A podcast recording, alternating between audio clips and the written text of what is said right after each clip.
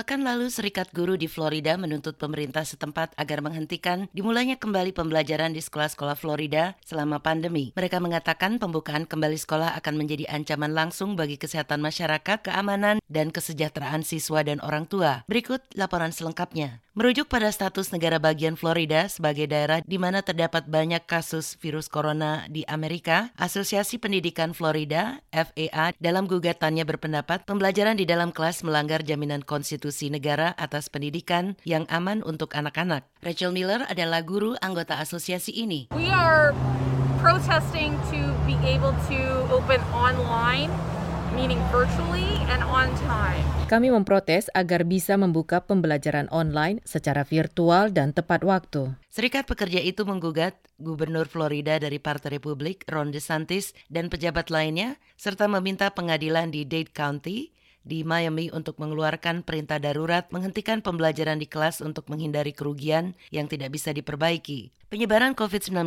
karena pembukaan kembali sekolah yang tidak aman selama lonjakan tidak terbatas pada siswa administrator sekolah atau staf sekolah, namun tidak diragukan lagi akan menyebar ke keluarga dan komunitas mereka, kata gugatan tersebut. Dengan infeksi virus corona mencapai 10 ribu per hari selama hampir satu minggu, Florida telah muncul sebagai salah satu pusat pandemi dalam beberapa pekan terakhir.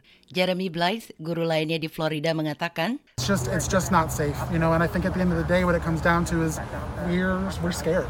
You know, we're scared. We don't want to bury a student. We don't want to bury a colleague.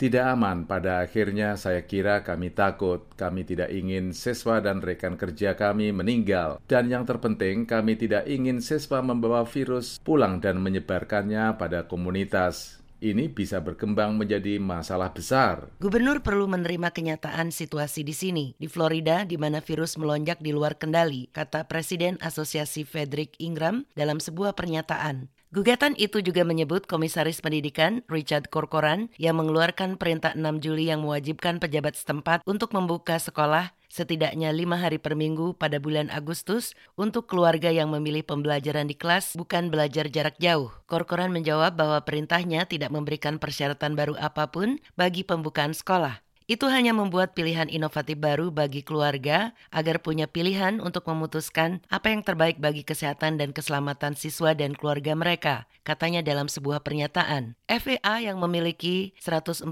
ribu anggota berafiliasi dengan Serikat Guru Nasional, Federasi Guru Amerika, serta Asosiasi Pendidikan Nasional. Kedua organisasi itu mendukung gugatan Serikat Guru Florida. Madioni Leonatriono, VOA.